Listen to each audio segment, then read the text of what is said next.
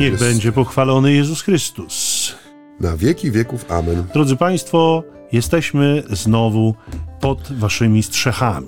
Albo nawet nie pod strzechami, ale w Waszych uszach.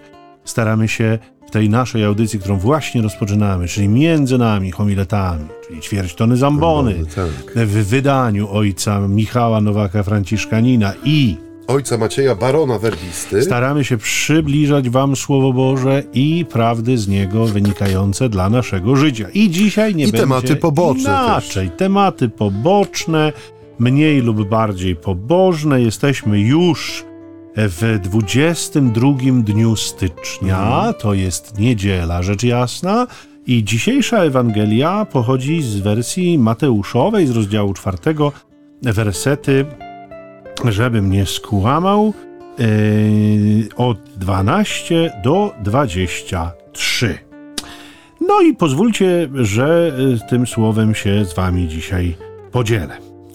Gdy Jezus posłyszał, że Jan został uwięziony, usunął się do Galilei.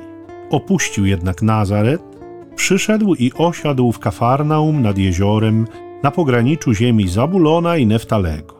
Tak miało się spełnić słowo proroka Izajasza. Ziemia Zabulona i ziemia Neftalego na drodze ku morzu, za Jordanie, Galilea Pogan. Lud, który siedział w ciemności, ujrzał światło wielkie i mieszkańcom cienistej krainy śmierci zeszło światło. Odtąd począł Jezus nauczać i mówić: Nawracajcie się, albowiem bliskie jest Królestwo Niebieskie. Przechodząc obok jeziora galilejskiego, Jezus ujrzał dwóch braci, Szymona, zwanego Piotrem, i brata jego Andrzeja, jak zarzucali sieć w jezioro, byli bowiem rybakami. I rzekł do nich: Pójdźcie za mną, a uczynię was rybakami ludzi. Oni natychmiast zostawili sieć, poszli za nim. A idąc stamtąd dalej, ujrzał innych dwóch braci, Jakuba, syna Zebedeusza i brata jego Jana, jak z ojcem swym Zebedeuszem naprawiali w łodzi swe sieci. Ich też powołał, a oni natychmiast zostawili łódź i ojca i poszli za nim. I obchodził Jezus całą Galileę, nauczając w tamtejszych synagogach, głosząc Ewangelię o Królestwie i lecząc wszelkie choroby i wszelkie słabości wśród ludu. I rozumiem, że zgodnie z niepisaną zasadą naszych audycji Zapraszam. Zaprasza mnie ojciec do dyskusji nad Bardzo e, tym proszę. świętym tekstem.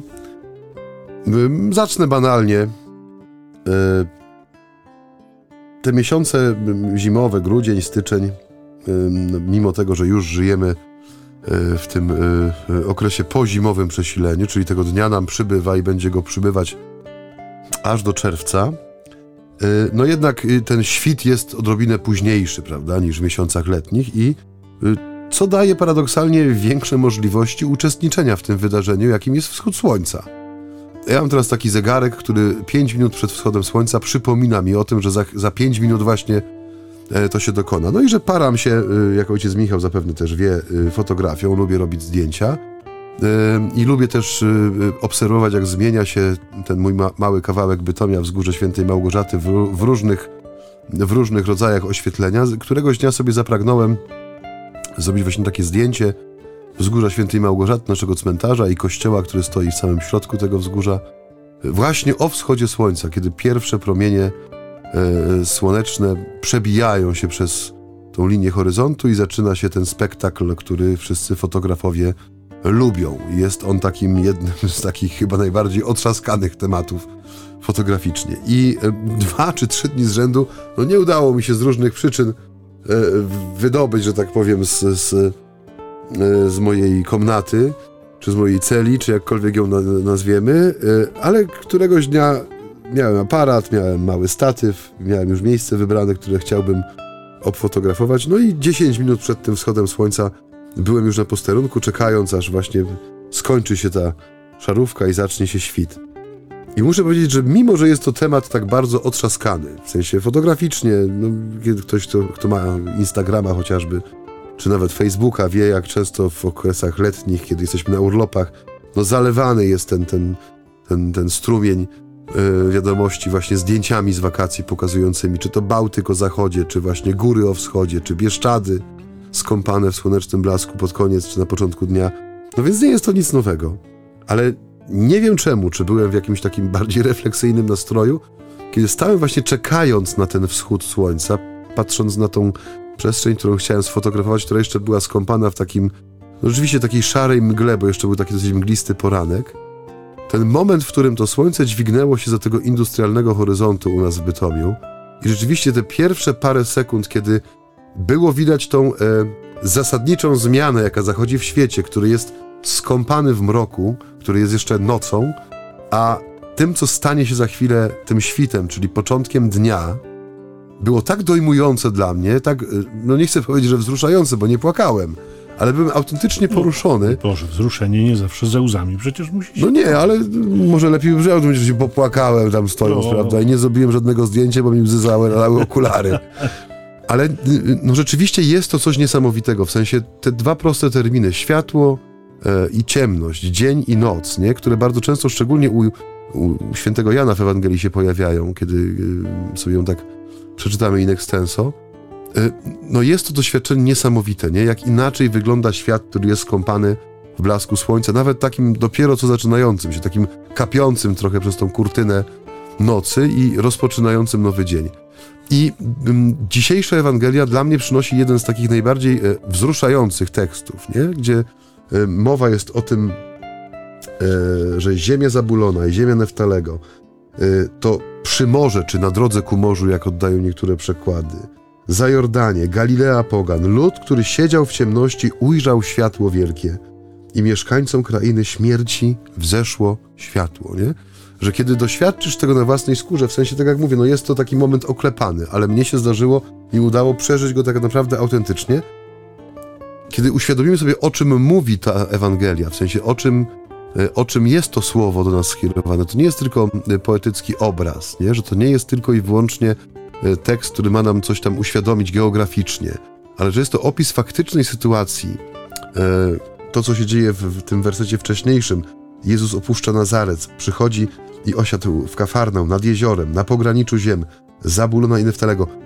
To się dokonuje, nie? Że Jezus, który jest światłością, przychodzi i zajmuje sobie miejsce w tym Kafarnał, które nie jest jakąś wielką metropolią, ale jednocześnie dzieje się dokładnie to, co jest opisane linijkę niżej, nie? Że lud, który siedzi w ciemności, lud, który jest pochłonięty ciemnością, śmiercią, że temu ludowi poprzez przyjście Jezusa wschodzi światło, że ten świat już nie jest taki sam, że zachodzi radykalna, substancjalna zmiana w tym świecie, że on już nie jest taki sam. E, I jak gdyby cały potencjał tej sytuacji, którą dzisiaj będziemy, daj Boże, rozważać, polega jak gdyby na uświadomieniu sobie i ustaleniu, co tak naprawdę się dzieje. Czyli znów, kto i po co przychodzi.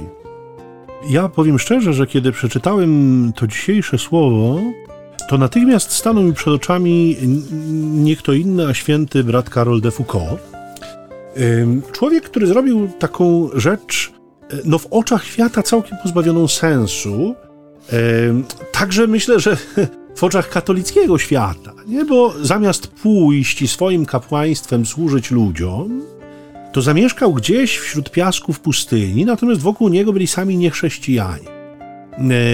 W perspektywie ilościowej powiedzielibyśmy, no mógł zrobić więcej w życiu, a nie zrobił.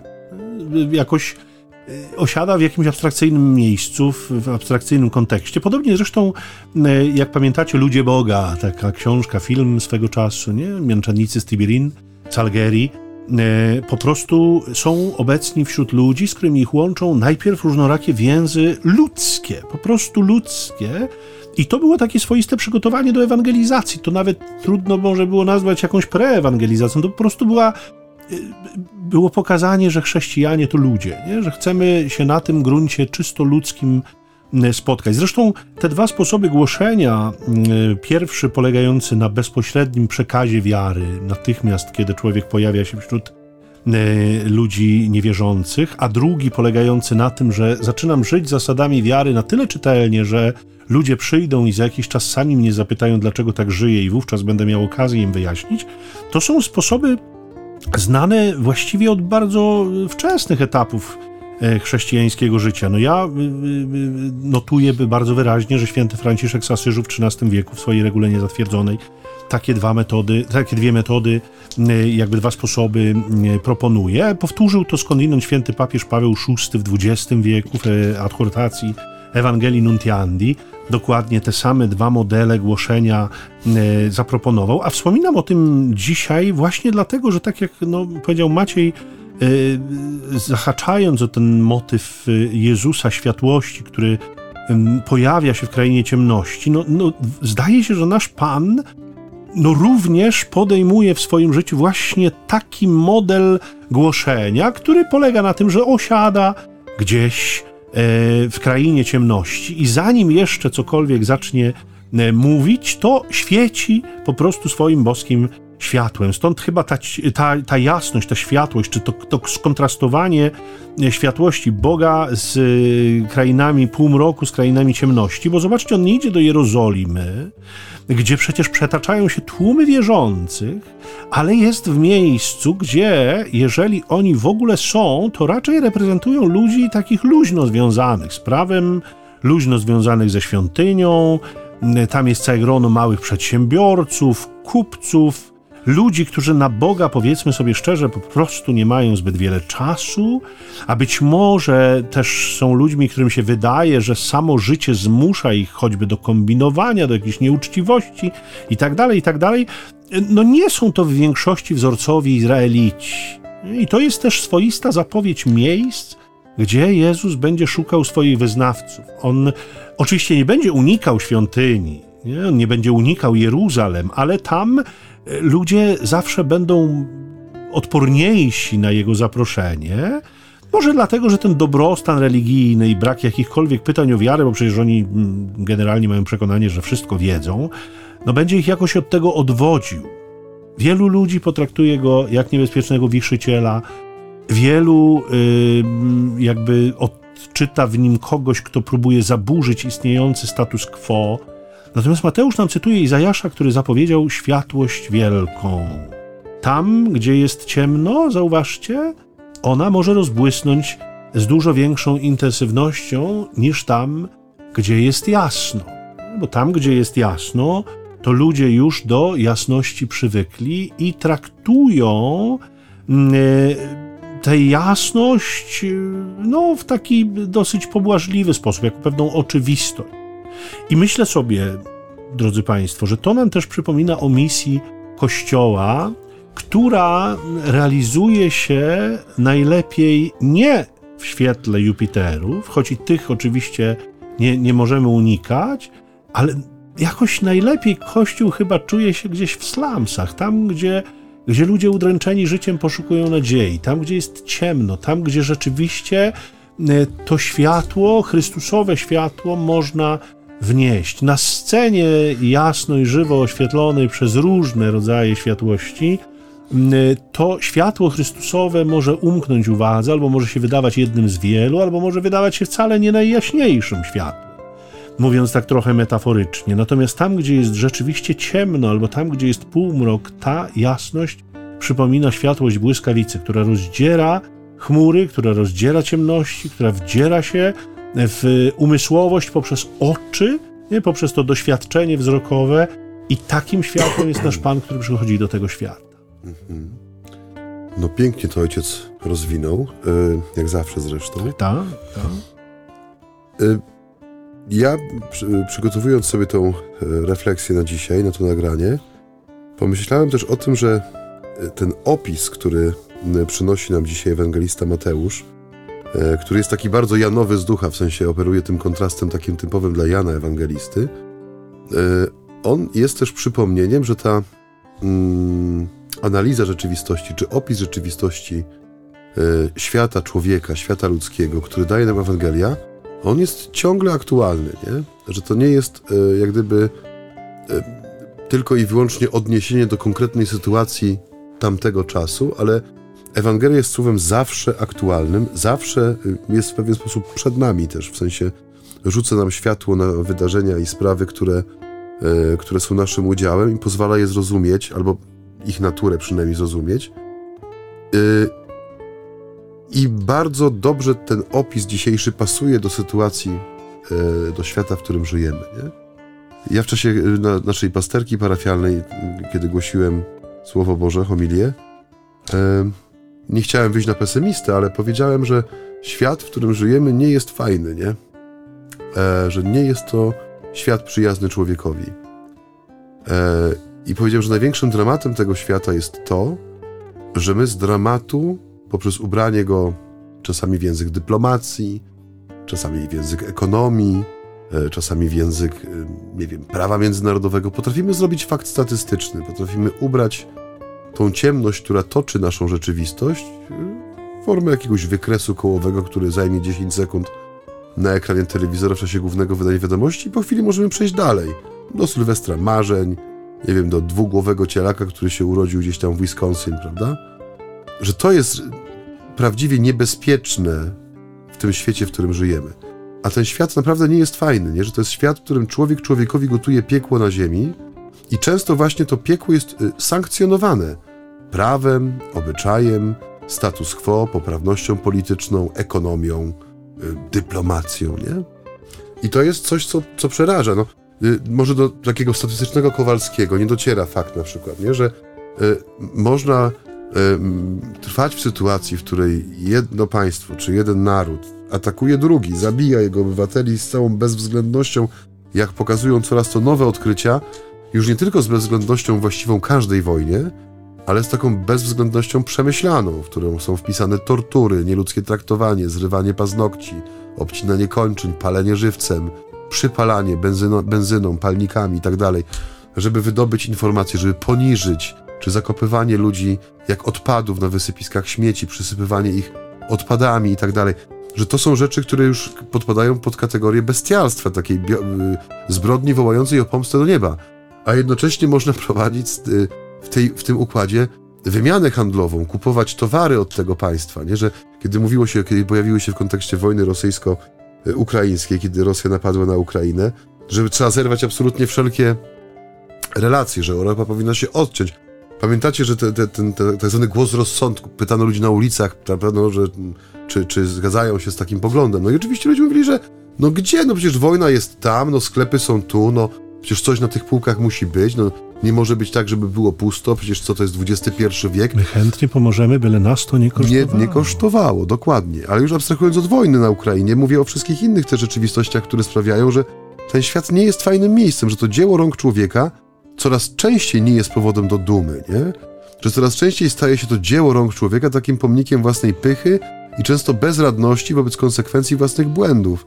E, I, I, cierpi na tym zawsze człowiek, nikt inny, nie? Że to jest coś, co pogłębia to ludzkie nieszczęście, brak nadziei, rozpacz, różne radykalne rozwiązania, fale depresji, samobójstwa i tak dalej, że coraz bardziej, e, jak gdyby ingerując w ten świat wewnętrznych wartości człowieka, rozbijając taką pewność co do tego, co jest istotne, ważne, co jest życiodajne, czy podpowiadając, że możliwe są inne rozwiązania, popatrz, spróbuj, skosztuj, no bo przecież ten świat się na tym opiera, tak, żeby ciągle zmieniać tą paletę, ten wachlarz doznań, żeby ciągle być jak gdyby takim gorliwym konsumentem tego świata. Nie tyle zaczynem przemiany, ile właśnie konsumentem, którego jedynym atrybutem jest pojemny brzuch, a nie serce, które powinno właśnie no, bić dla przemiany tego świata zgodnie z duchem wartości, czy miłości, czy cokolwiek tam sobie przyjmiemy. I, I że ta diagnoza Ewangelii, która mówi o tym, że świat, do którego przychodzi Jezus, mówi to w kontekście też Adwentu zakończonego, że to jest rzeczywiście ta ziemia zabulona i Neftalego, nie? że to jest miejsce, które jest mocno naznaczone tym cieniem śmierci. Dramatem tego jest, y, te, te, tego, znaczy dramat w tym stanie ukryty jest taki, że my potrafimy to dzisiaj bardzo świetnie racjonalizować, nie? Albo wykazywać, że no tak musi być, nie? Że, wido no, że widocznie inaczej się nie da, tak? Że, że widocznie tak to się musi toczyć że nie ma innego rozwiązania. I ulegamy jak gdyby tej, tej, tej wizji świata, tak? W ten sposób. Zapominając, że Ewangelia nie poprzestaje na pesymistycznym obrazie rzeczywistości, tylko pokazuje prawdę, tą prawdę ludzką, prawdę człowieka, a następnie konfrontuje ją z tą prawdą Bożą, która się e, objawia. I relacja czy stosunek jednej prawdy do drugiej jest mniej więcej taka, jaki jest stosunek nocy do dnia. Czyli jest to diametralnie różna rzeczywistość. Nie? Z tym, że my często tą drugą część, czyli tą Bożą prawdę, uznajemy albo za nieważną, albo za nieautentyczną, albo za tak zwane whatever, czyli no nie interesuje mnie to, nie walczę z tym, ale też nie mam żadnego w sobie, nie wiem, zapału, żeby to zgłębić, żeby zastanowić się, dlaczego na przykład tak nie jest, nie? E, I, I, to jest, mówię, ta Ewangelia dzisiejsza, ona pokazuje e, nie tylko konkretną sytuację, ale też e, pokazuje nam rozwiązanie, to Boże działanie, nie? Za chwileczkę, kiedy przejdziemy do dalszej części perykopy, zobaczymy, że to wejście światła w krainę ciemności ma swoje konkretne konsekwencje w postaci absolutnej zmiany życia na razie dwóch ludzi, tak, którzy y, spotykają Jezusa, który wkracza w tą krainę ciemności i poprzez swoje słowo, bardzo proste, ale skuteczne, no, wprowadza konkretną zmianę w tym życiu, nie? Ja jeszcze tak y, a propos. Y, to po francusku jest, nie? Tak? Nawet nie miałem świadomości. Bardzo ładnie, że mnie ojciec oświecił właśnie tą światłością, natomiast y, zatrzymało mnie... Jestem takim panem Jourdain Radia Niepokalany. tak.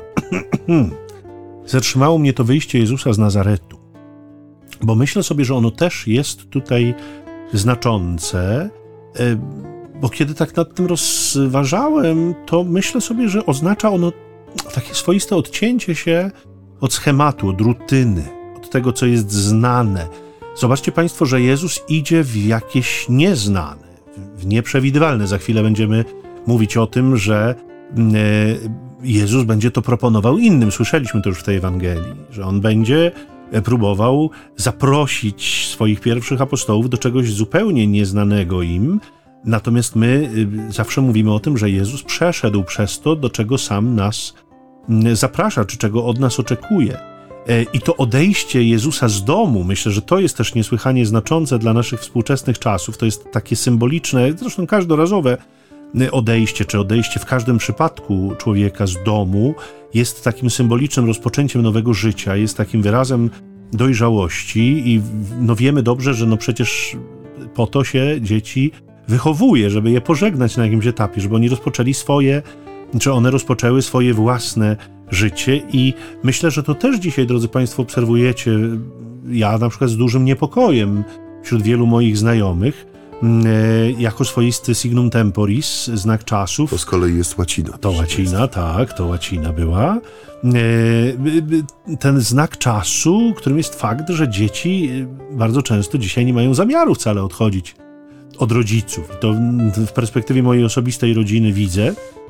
Moi rówieśnicy po 40 E, po 40, czyli przekroczywszy już dobrze 40 rok życia, wcale od tych rodziców odchodzić nie mają zamiaru. Co więcej, z jeszcze większym niepokojem patrzę na to, że rodzice nie znajdują w sobie żadnej siły, żeby te dzieci z gniazda wypchnąć podczas gdy ewidentnie jest to całkowicie w poprzek jakiegoś Bożego zamysłu, Bożej logiki wobec e, ludzkiego życia. Więc to e, jego odejście, to, że nie osiadł w Nazarecie, ale gdzie indziej, w Kafarną, że zaczął żyć na własny rachunek, że zaczął żyć jakby według e, no, odpowiedzialności, którą podejmuje za samego siebie i za swoje sprawy, to też jest przesłanie światła na dzisiejsze czasy, no ciemności trochę, nie? Ciemności w tej perspektywie również takiej nieporadności życiowej, albo nawet nie tyle może nieporadności, bo czasem są to ludzie całkiem zaradni życiowo, ale jakoś nie,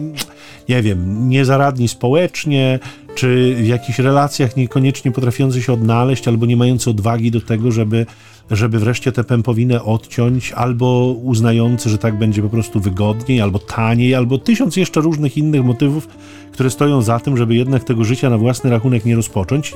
Kiedyś to była mniejszość, dzisiaj nie chcę powiedzieć oczywiście, że większość, bo nie mam żadnych danych statystycznych, żeby o tym mówić, natomiast na pewno się to zdarza dużo, dużo częściej niż dawniej, e, co samo w sobie chyba jest trochę też niepokojące. Mhm. No, y, ten model życia, o którym ojciec Michał mówi, no on nie przystaje do dziś, znaczy w sensie do dzisiejszych czasów, może mniej. Kiedyś pamiętam, przeglądałem album z zdjęciami rodzinnymi. Pamiętam, że e, były tam zdjęcia nie tylko z naszego domu rodzinnego, ale też tam krewnych, ciotek, wujków i tak dalej. Że kiedyś tak zwane życie na kupie było bardziej e, przyjętą formą życia, prawda? Że jak budowało się dom, no to bardzo często było tak, że nie wiem, parter zajmowali rodzice, pierwsze piętro czy przybudówkę najstarszy syn, e, młodszy wprowadzał się, nie wiem, do drugiej części budynku i była taka rodzina wielopokoleniowa bardziej, w sensie żyjąca na kupie. No, oczywiście babcia była naturalnym przedszkolem. No dokładnie, nie? Że, że, że ten, ten system życia był trochę inny, często też oparty o gospodarstwo rolne, nie? Więc im więcej nas było, tym też no, zasobniej było, tak? Bo więcej można było zrobić, było więcej rąk do pracy. Dzisiaj jednak no, y, te, to wyjście na samodzielność, czyli podjęcie takiej autonomicznej decyzji co do kształtu własnego życia, no jest bardziej adekwatne do świata, w którym żyjemy, tak? No bardzo często jest tak, że y, jest cały taki fenomen tych to, o czym mówisz, teraz mi uciekła ta japońska nazwa, bo chciałem też zabłysnąć językiem. Wow. Tak, ale są ci ludzie, którzy y, y, z kolei wychodzą z domu własnych rodziców, wynajmują jakieś mikro apartamenty, czy jakkolwiek to nazywa, i potrafią całymi latami nie wychodzić z domu. Są utrzymywani przez swoich rodziców. Często treścią ich życia są, nie wiem, gry komputerowe, czytanie komiksów tych japońskich pod tytułem manga, prawda? czy jakieś inne no, dziwne zajęcia. Kiedyś oglądałem dokument na ten temat, nie? że to jest. Więc yy, yy, szczególnie w Azji to jest widoczne, że tam są takie społeczne plagi, które no, idą w ekstrema, nie? I jest ten ideał pracownika swego czasu i człowieka, który umiera w garniturze z teczką pod pachą, siedząc przed budynkiem, w którym pracuje, bo nie zdołał nawet wyjść z niego. Po prostu skonał z przepracowania. Było takie słynne zdjęcie, jest takie, że biegną ratownicy, w sensie tam służby medyczne z noszami i siedzi taki człowiek z przechyloną głową, ma pod pachą teczkę nogi podciągnięte pod pierś i jedną ręką się tak trzyma. On nie żyje, nie? Zmarł z przepracowania, nie wychodził tam ileś dni z pracy, nie? I to był ideał człowieka, który poświęcił wszystko dla wyższej idei, tak? W sensie, że to, to się stało plagą. Kolejną plagą są właśnie ludzie, którzy potrafią latami nie wychodzić z, z klitek, w których mieszkają, nie podejmują żadnych dojrzałych interakcji ze światem, są i oni się mienią ludźmi szczęśliwymi, w tym sensie, że robią to, co chcą. Nie ma w tym jak gdyby żadnego oburzenia, że no najczęściej, przepraszam, ale taki pasożyt no jest utrzymywany przez rodzica, tak. który często nie dość, że całe życie harował, żeby to dziecko wychować, e, czy przekazać mu jakieś wartości, to w tej chwili jeszcze jest w pewien sposób steroryzowany czy zmuszony do tego, żeby no, opłacać jego życie, tak? Płacić mu ten czynsz, za ten mikroapartament, płacić za internet, za dostarczone do domu jedzenie itd. No, jest, jest coś człowieku, co potrafi, znaczy w sensie taka skłonność człowieku jest zawsze, żeby pew pewną dozę takiej niedojrzałości w sobie zachować, nie? Że ona jest wygodna. Ten, ten brak podjęcia nawet podstawowej odpowiedzialności za własne życie, już nie mówię nawet już, tak jak mówiliśmy, nie chodzi o, o tematy związane z wiarą, tylko w ogóle z życiem jako człowiek, czy z życiem na miarę człowieka, nie? Że to jest coś, co, no, jest, można tego uniknąć, tak? Można się z tego wy, wylogować, nie? Można to... Strasznie mnie przeraża częstokroć e, takie, to co wspomniałeś też, zawężenie horyzontów, że, że ludziom wystarcza ekran komputera, czasem butelka, bo to czasem też są kwestie związane ze sobą. I właściwie to wszystko. Nie? I nie, nie, nie trzeba właśnie interakcji społecznych, nie trzeba e, jakby myślenia o przyszłości, w ogóle nie, nie jawią się takie potrzeby, jak, nie wiem, poznawania świata, stykania się z tym światem, nie wiem, już nie mówię o jakichś tam podróżach, czy, czy jakimkolwiek zgłębianiu yy, bytu ludzkiego. Natomiast to, to mnie trochę przeraża, bo tak sobie mówię, niejednokrotnie zastanawiając się nad tym słowem, mnie czasem do tego prowokuje. Yy, tak jak mówię, patrzę także przez pryzmat swoich, rodzin, swoich rodziny, swoich kuzynów, mówię sobie, Boże, jakie to jest smutne życie, nie? Tak naprawdę. I Człowiek, który tak żyje, no, też nie do końca sobie zdaje z tego sprawę, jak smutno żyje. Bo prawdopodobnie, gdyby sobie z tego zdał sprawę, to może, może odkryłby też inne przestrzenie szczęścia. Nie? Szczęścia, którego z, no, z takim życiem porównać się, się nie da. I oczywiście y, już słyszę te głosy zastrzeżeń, że no pozwólmy ludziom przeżywać szczęście tak, jak chcą je przeżywać. No oczywiście jak najbardziej, tylko być może warto też pokazać taką perspektywę. Być może warto było dotknąć tego czy owego, zwłaszcza tego, co może jakoś nas rozwijać. No Pan Bóg dał nam też taką perspektywę rozwojową, wszczepił w nas, nie? I to zarówno intelektualną, jak i duchową, jak i taką ogólnoludzką, że jakby no, ten rozwój właściwie jest w jakimś sensie nieskończony. On, on jakby no, jest tyle rzeczy, które, których nie poznamy za życia, choćbyśmy nie wiem jak się starali że rzeczywiście życie, które, które decyduje się jakby, czy człowiek, który decyduje się wycofać z życia i prowadzić je gdzieś tam na marginesie zupełnym, mm, bez jakby doświadczenia tego wszystkiego, co z tym życiem związane, no, wydaje się być jednak trochę mniej spełnionym niż człowiek, który z tego życia korzysta. I oczywiście mówimy to o jakimś właściwym, sensownym, mądrym korzystaniu. Więc, więc przyznam szczerze, że trochę rodzi to we mnie jakieś, jakieś współczucie i jakiś smutek, że, że jest taka masa ludzi, którzy jakby tego smaku życia nigdy nie poczują, nie? Bo, bo nie wiem, albo się boją, albo, albo wybrali po prostu pójście na łatwiznę, tak jak to powiedziałeś przed chwilą. Mhm. No i też e, zauważ, że często się e, w kontekście naszych rozmów tutaj, ale nie tylko, e, mówię o trochę szerszym zjawisku, że był taki okres, e, może nawet trwa w dalszym ciągu, że kiedy e, mówimy o takim pobożnym, chrześcijańskim, katolickim, dobrym życiu, to jednocześnie boimy się używać tego stwierdzenia, nie, że trzeba żyć pełnią, że trzeba korzystać z życia, nie? że mm, tak jakby, mm, no nie wiem jak to ująć w słowa, żeby to nie zabrzmiało tak banalnie, nie? ale że y, tak jakbyśmy postawili te dwie rzeczywistości po dwóch stronach y, barykady. Że albo się z życia korzysta, albo jest się dobrym, pobożnym katolikiem. Nie?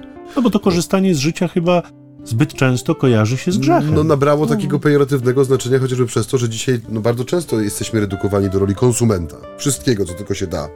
I to też prawdopodobnie sprawia, że kiedy mówimy o tym, żeby mądry, tak jak Michał powiedział, żeby w sposób mądry i odpowiedzialny korzystać z tego, co, co życie mi daje, nie? Bo to jest też ważne, żeby dostrzec ten potencjał daru, który jest, nie? Czy w ogóle postrzeganie życia jako daru, nie? Jest taki mem, który wraca co jakiś czas w internecie, w różnych facebookowych, nie, bo ojciec Michał jest wyłączony z Facebooka, to nie wie, ale tam są takie różne grupy, które promują różno, różne treści. Tam, oczywiście jest tam słowo Boże na dobranoc, nie tam kazanie w 60 sekund na niedzielę. Nie. I jedna, ta, jeden taki memik cały czas widzę krąży i powraca, że zastanów się, co by było, gdybyś się obudził rano z tym, za co zdążyłeś wczoraj Panu Bogu podziękować, nie? I swego czasu oparłem o ten mem niedzielną homilię, kiedy mówiłem właśnie o, kiedy mówiliśmy o talentach, o darach, o tym jednym talencie, który zostaje włożony w rękę człowieka. Że nawet jeśli nie masz całego wachlarza, całej palety uzdolnień, talentów, bo niektórzy są obdarzeni według naszych miar ponad miarę. W sensie, że mają tak dużo, dostali tak dużo od losu, od bozi, jakkolwiek by tego nie nazwać, a ja nie dostałem nic, nie? I ja wyszedłem od tej właśnie, od takiej refleksji, że ten jeden talent, który zostaje włożony w ręce sługi, to jest jego życie. Nie? To jest jego życie. Co żeś z tym życiem zrobił? Czy je, je już za, zawczasu zakopał, nie czekając na własną śmierć? Czy uczyniłeś z niego dar? Rzeczywiście dar, który jest, ma być puszczony w obieg. Nie? I mm, ta koncepcja życia jako daru też, ona też y, wydaje mi się, że wiele wnosi w sposób naszego przeżywania rzeczywistości, to jest na pewno raz, ale dwa też, przede wszystkim wydaje mi się, że umożliwia to, to, to co dzieje się w dzisiejszej Ewangelii. Jeżeli człowiek y, y, przeżywa swoje życie jako dar, y, czyli jako coś, co y, no, z jednej strony nie jest jego, w sensie nie jest efektem jego starań, nie jest y, w stu procentach od niego zależne, tak, bo nie on decyduje o jego początku i końcu, więc o dwóch najbardziej, powiedzmy, istotnych momentach w życiu, to rzeczywiście ta wielka niewiadoma, ten wielki potencjał, czyli też zgoda na to, że mogą się dokonywać rzeczy, które będą miały charakter absolutnej przemiany, no wypływa z tego, tak? A jeśli ja, tak jak mówi Michał, jestem człowiekiem wąskiego horyzontu, który nie czarujmy się, jeśli przyjmujemy taką opcję, on się będzie coraz bardziej zawężał, tak. nie? E, że, e, tu, tu jak gdyby nie ma tendencji rozwojowej, że jeżeli ktoś zaczyna, zaczyna zamykać się w jakim, tak jak powiedziałeś, czy to będzie mm, telewizor, czy to będzie butelka, czy to będzie, nie wiem, kleje, klejenie modeli samolotów jako jedyna treść, która mnie interesuje i coś, co jest moim jedynym sposobem interakcji ze światem. Cokolwiek y, y, przyjęte na takiej drodze eliminacji i zawężenia będzie dążyło tylko i wyłącznie do tego, żeby w końcu odciąć dopływ wszystkiego, czyli będzie prowadziło do śmierci, tak, wewnętrznej. Człowiek będzie takim ususzonym, zmumifikowanym bytem, który nie ma absolutnie żadnych potrzeb, jest zasznurowany, zamknięty, nie ma dostępu ani powietrza, ani światła, nie rośnie, nie rozwija się. I ta dzisiejsza Ewangelia pokazuje nam, że sytuacja może być dramatyczna, może mieć e, no, pozór śmierci, w sensie tak jak to opisuje e, ewangelista e, Mateusz tym językiem takim operującym kontrastami, ale w tej sytuacji dochodzi do radykalnej zmiany, która dokonuje się w bardzo konkretny sposób, nie? W sensie przychodzi światło, czyli Jezus I mamy jak gdyby ciąg dalszy tej perykopy, bo dzisiaj Ewangelia jest podzielona na dwa fragmenty, krótszy i dłuższy. My zawsze w Radiu Niepokolanów preferujemy ten dłuższy Nie fragment. chcemy Państwa okradać ze słowami. Tak jest, ale to jest genialne w tym sensie, że mamy najpierw piękny, wręcz poetycki tekst, tak? Najpierw mamy w ogóle opis faktycznej sytuacji. Zmiana miejsca pobytu Jezusa z Nazaretu. Opuszcza Nazaret, przechodzi do Kafarnaum. Potem mamy przypomnienie zapowiedzi, obietnicy, która była złożona, tak? Że ta ziemia zabulona Neftalego, za Jordanie, Przymorze, Galilea Pogan, naród, który kroczy czy siedzi w ciemności, ujrzał światłość wielką. I za chwilę mamy moment, w którym Jezus przechadza się brzegiem jeziora, e, czyli sytuację absolutnie jak gdyby wyrwaną z tego języka poezji, kontrastów, tak? Tak jak mówisz, to jest świat drobnych przedsiębiorców, fachowców, może trochę małych naciągaczy, kombinatorów, którzy starają się związać koniec z końcem. To nie są ludzie, którzy poświęcają jedną trzecią dnia y, pierwszej części hasła ora et labora, tak? Oni, oni tyrają od zmierzchu do świtu, nie? I jak gdyby przez to, że Je Jezus wkracza w ten kontekst, wchodzi pośród, w środowisko, staje pośród ludzi, którzy nie są jakimiś idealnymi odbiorcami wielkich idei czy wezwań do rewolucji, a mimo to e, Bóg pokazuje, że ta rewolucja, której na imię Jezus Chrystus dokonuje się, tak?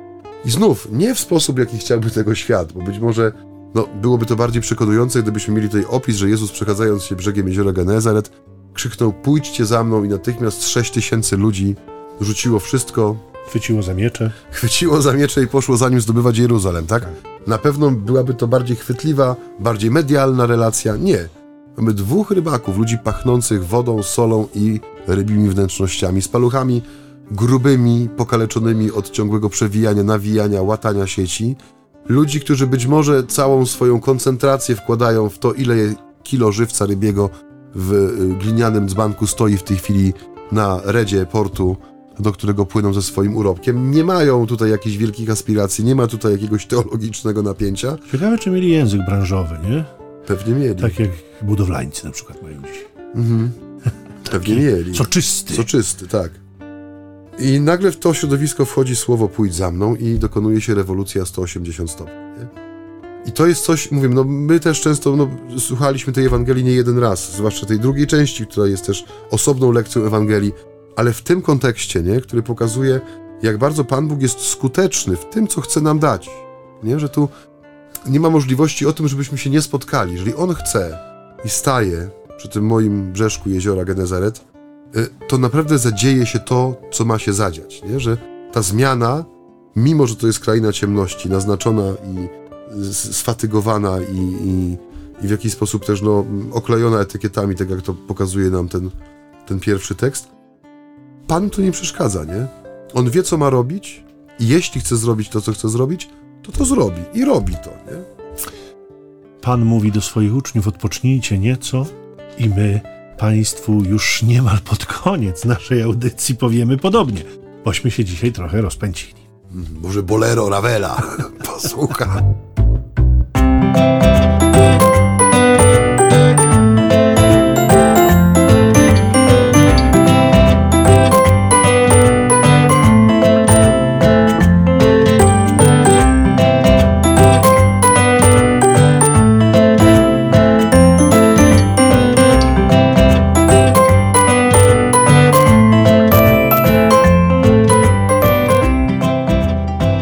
Jesteśmy z powrotem.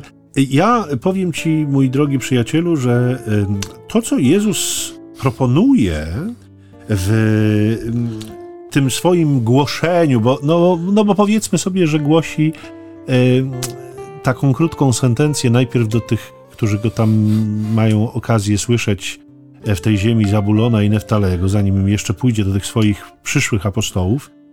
Mnie się to skojarzyło z takim smakiem słony karmel.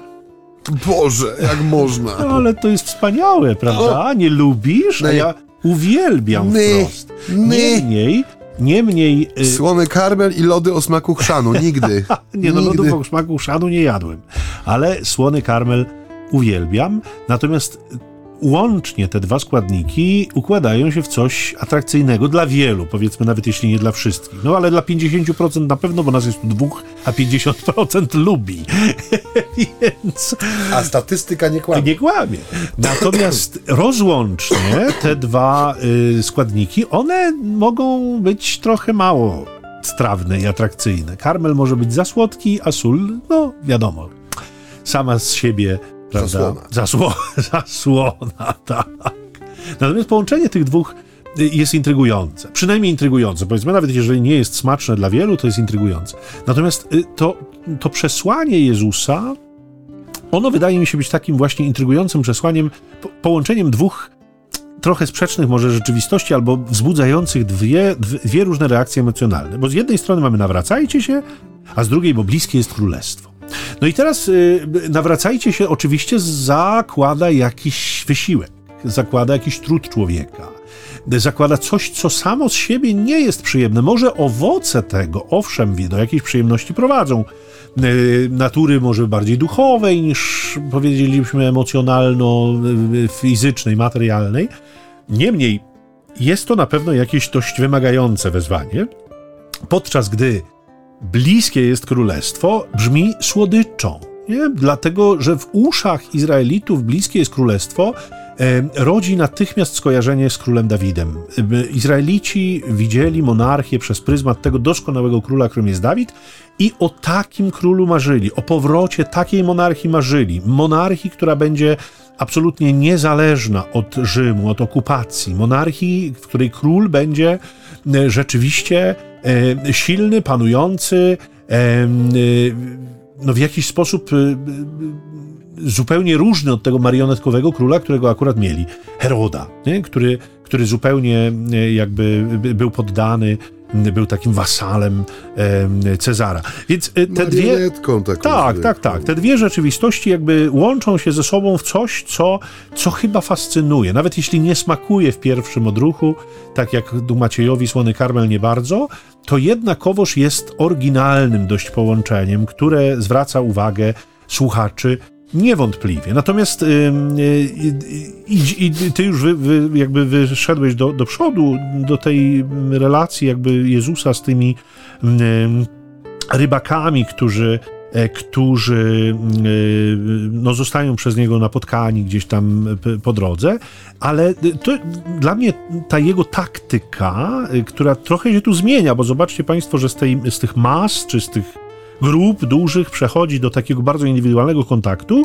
Mm, e, wydaje mi się być też takim e, taką próbą zafascynowania ich dziełem, które jest przed nimi. Zobaczcie, że Jezus im niczego nie tłumaczy, Jezus im niczego nie wyjaśnia, Jezus im nie zakreśla e, e, zakresu ich przyszłych obowiązków. Nic z tych rzeczy. On po prostu rzuca intrygującą myśl. Nie? Myśl, która wyraża taką prawdę: Bóg was potrzebuje i ja was potrzebuję, macie do odegrania ważną rolę. I wydaje się, że oni zachowują się trochę tak, jakby czekali na te propozycje. Nie? Być może to jest przywilej młodości, być może to jest kwestia e, temperamentalna, być może ci panowie lubią zmiany, nie? być może nie mogli za długo usiedzieć w jednym miejscu. Ja przyznam szczerze, że ich doskonale rozumiem, ponieważ jestem człowiekiem, który e, zmiany po prostu uwielbia w życiu życiu. E, ja nawet ostatnio rozmawiałem z, mam taką zaprzyjaźnioną psycholog e, moją w równym wieku, to znaczy moją równolatkę. E, znamy się. Staruszka. No, staruszka, to prawda. Znamy się od dzieciństwa. No i. Przeżyły smoki wtedy. Roz... Dinozaury rozmawiałem, ja miałem swojonego takiego dinusia. Rozmawialiśmy na temat tychże zmian i ona mówi, słuchaj, no są badania współczesne rzeczywiście wiarygodne, które mówią, że co 4 lata człowiek powinien wprowadzić znaczącą zmianę w swoje życie, bo to go motywuje do rozwoju, bo to jest rzeczywiście e, takie dynamizujące. I ja sobie pomyślałem, Boże, to ja tak właśnie żyję, ja tak, ja tak to czuję, ja tak to przeżywam. Zawsze myślałem, że trochę jestem nienormalny.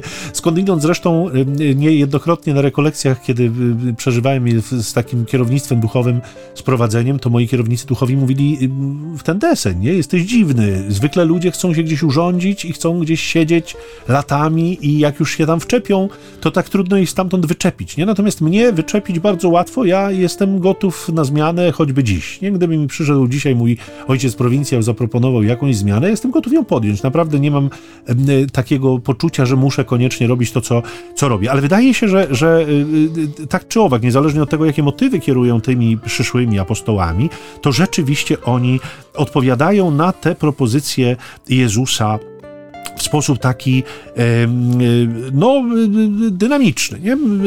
I, I ja do tej dynamiki chcę nawiązać, drodzy Państwo, ponieważ lądować już tam będzie powoli trzeba. Oczywiście ojciec Maciej to spuentuje jeszcze jakoś no, ładnie. podwozie, tak. Natomiast y, my jesteśmy wciąż u początku roku, możemy tak powiedzieć, no bo 22 dzień roku to jeszcze jest jednak początek. Y, nowy początek, prawda? Znamy te hasła, nowy, nowy rok, nowa ja, ja, tak. Już prawdopodobnie te y, postanowienia noworoczne nam się wyczerpały, bo to one zwykle do 7 stycznia, góra do 15 obowiązują. Niemniej y, myślę sobie, że ten cykl, który my rozpoczynamy tak naprawdę w tym nowym roku, także w perspektywie liturgii, to znaczy niewiele nam się zmienia, bo jesteśmy w okresie zwykłym, chociaż no, zmienił się ten okres zbożonarodzeniowego na, na zwykły tydzień temu, on nam uzmysławia, że wszystko, co my do tej pory przeżyliśmy, no, to ma swoją wartość, ale nasze życie się nie skończyło. Nie, nasze życie nadal trwa, więc możemy się spodziewać Bożego dynamizmu, który będzie się objawiał w naszej codzienności. Jezus nie przestał działać w Twoim życiu i Ty nie przestałeś mu być potrzebny tylko dlatego, że skończyłeś 60 czy 70 lat. Nie? To już damy Ci spokój, bądź sobie emerytem, żyj sobie spokojnie. Ja już nie, o tobie już nie myślę, bo to co ty jeszcze mi możesz, do czego ty jeszcze możesz mi No nie, no tak nie jest. Dlatego, drodzy Państwo, spodziewajmy się, dlatego, że On nadal jest w pobliżu i On nadal chce do nas mówić i On nadal ma dla nas propozycje, które mogą się okazać naprawdę mhm. niezwykle fascynujące, intrygujące, pociągające i być może wprowadzające choćby mikrozmiany, bo przecież w wieku rzeczywiście 70 lat, no nie, nie, raczej, raczej statystycznie, takich potężnych zmian się już w życiu nie realizuje. Ale bywa i tak, że przecież ludzie w wieku 50-60 lat na przykład wyruszają na misję, co nas czasem zdumiewa, jakoś tak intryguje, fascynuje. Bywa, że, że mamy e, księży święconych w wieku 70 lat, nie tak dawno przecież takie przypadki w Polsce mieliśmy. E, więc powiedzmy sobie szczerze, nie? Bóg z nas nie rezygnuje do samego końca, jesteśmy ciągle dla Niego ważni i Jego dynamizm działania jest czymś, co nas samych do dynamizmu odpowiedzi zaprasza. No szkoda, że trzeba kończyć, bo właśnie no chciałem szkoda. się podzielić taką refleksją jeszcze na, do rozwinięcia może, że ten, e, właśnie ta natychmiastowość odpowiedzi e, w dzisiejszej Ewangelii, że e, słuchałem kiedyś takiego słuchowiska, no, które znamy taki gatunek political fiction, prawda, czyli fikcja polityczna, która przedstawia jakieś no, zupełnie jak powiedzieć, no, fantastyczne scenariusze, w sensie jak mogłaby się potoczyć historia świata, gdyby na przykład nie wiem, e, to Niemcy wygrały II wojnę tak. światową. Ostatnio oglądałem cały taki serial e, poświęcony jednemu z takich zagadnień. W każdym razie słuchałem kiedyś takiego słuchowiska, nie wiem na której antenie. E, I no właśnie była tam mowa, ono było oparte o tą, tą perykopę, którą dzisiaj rozważamy. W sensie takim, że ci dwaj, którzy odpowiedzieli tak ochoczo na to Jezusowe wezwanie, byli ludźmi, którzy byli na krawędzi, nie? W sensie, że ten szczyt młodości, w sensie ten szczyt możliwości, który no, człowiek w wieku lat 28-9 w sobie realizuje, że no, dla nich to łowienie tych ryb i to, to właśnie ta walka o tą dzienną stawkę za kilo żywca patroszonej, niepatroszonej ryby, ta nieuczciwość pośredników, którzy sprawili, że no, zostawali się właściwie galernikami przykutymi do tych łodzi, które codziennie skoroświt musiały, kiedy jeszcze było ciemno, wypływać e, na jezioro, że to wszystko sprawiło, że oni byli go właśnie tak jak tu powiedziałeś, nie? że oni czekali tylko na tą iskrę, która to prze, y, przemoże, nie? w sensie sprawi, że oni rzucą to, co robią. I że to słowo, które przychodzi, y, pójdź za mną, y, ma w sobie taki potencjał, że spotyka się z tym potencjałem, który jest w ich sercach. I ta gotowość na zmianę, o której Michał mówi, w jego przypadku taka bardzo naturalna, wielu z nas y, przychodzi trudno, tak jak mówisz, nie, że bardzo często jesteśmy ludźmi nawyku. No, może nawet nie, nie tyle, że mm, chcemy się gdzieś urządzić, tylko chcemy, żeby było jak najmniej y, odczuwalnych zmian, żeby rzeczy toczyły się swoim rytmem, żeby ten dzień hmm, był taki spokojny i do siebie podobny, y, że, żeby przyszłość y, była przewidywalna w miarę, prawda? Więc jeśli możemy sobie czegoś życzyć, bo tak jak powiedział Michał, jeszcze wciąż jesteśmy Y, u progu nowego roku, to życzmy sobie tego, byśmy na, nawet w tych sytuacjach, w których wydaje nam się, że stoimy na granicy czegoś, prawda, że doświadczamy czegoś, co nas w jakiś sposób może przygniata albo przerasta, żebyśmy mieli świadomość, że to jest też moment, w którym może zadziałać Boża obecność, Boża łaska, Boży plan. Może się zrealizować przez te okoliczności życia, które dla nas nie do końca są ani przyjemne, ani zrozumiałe.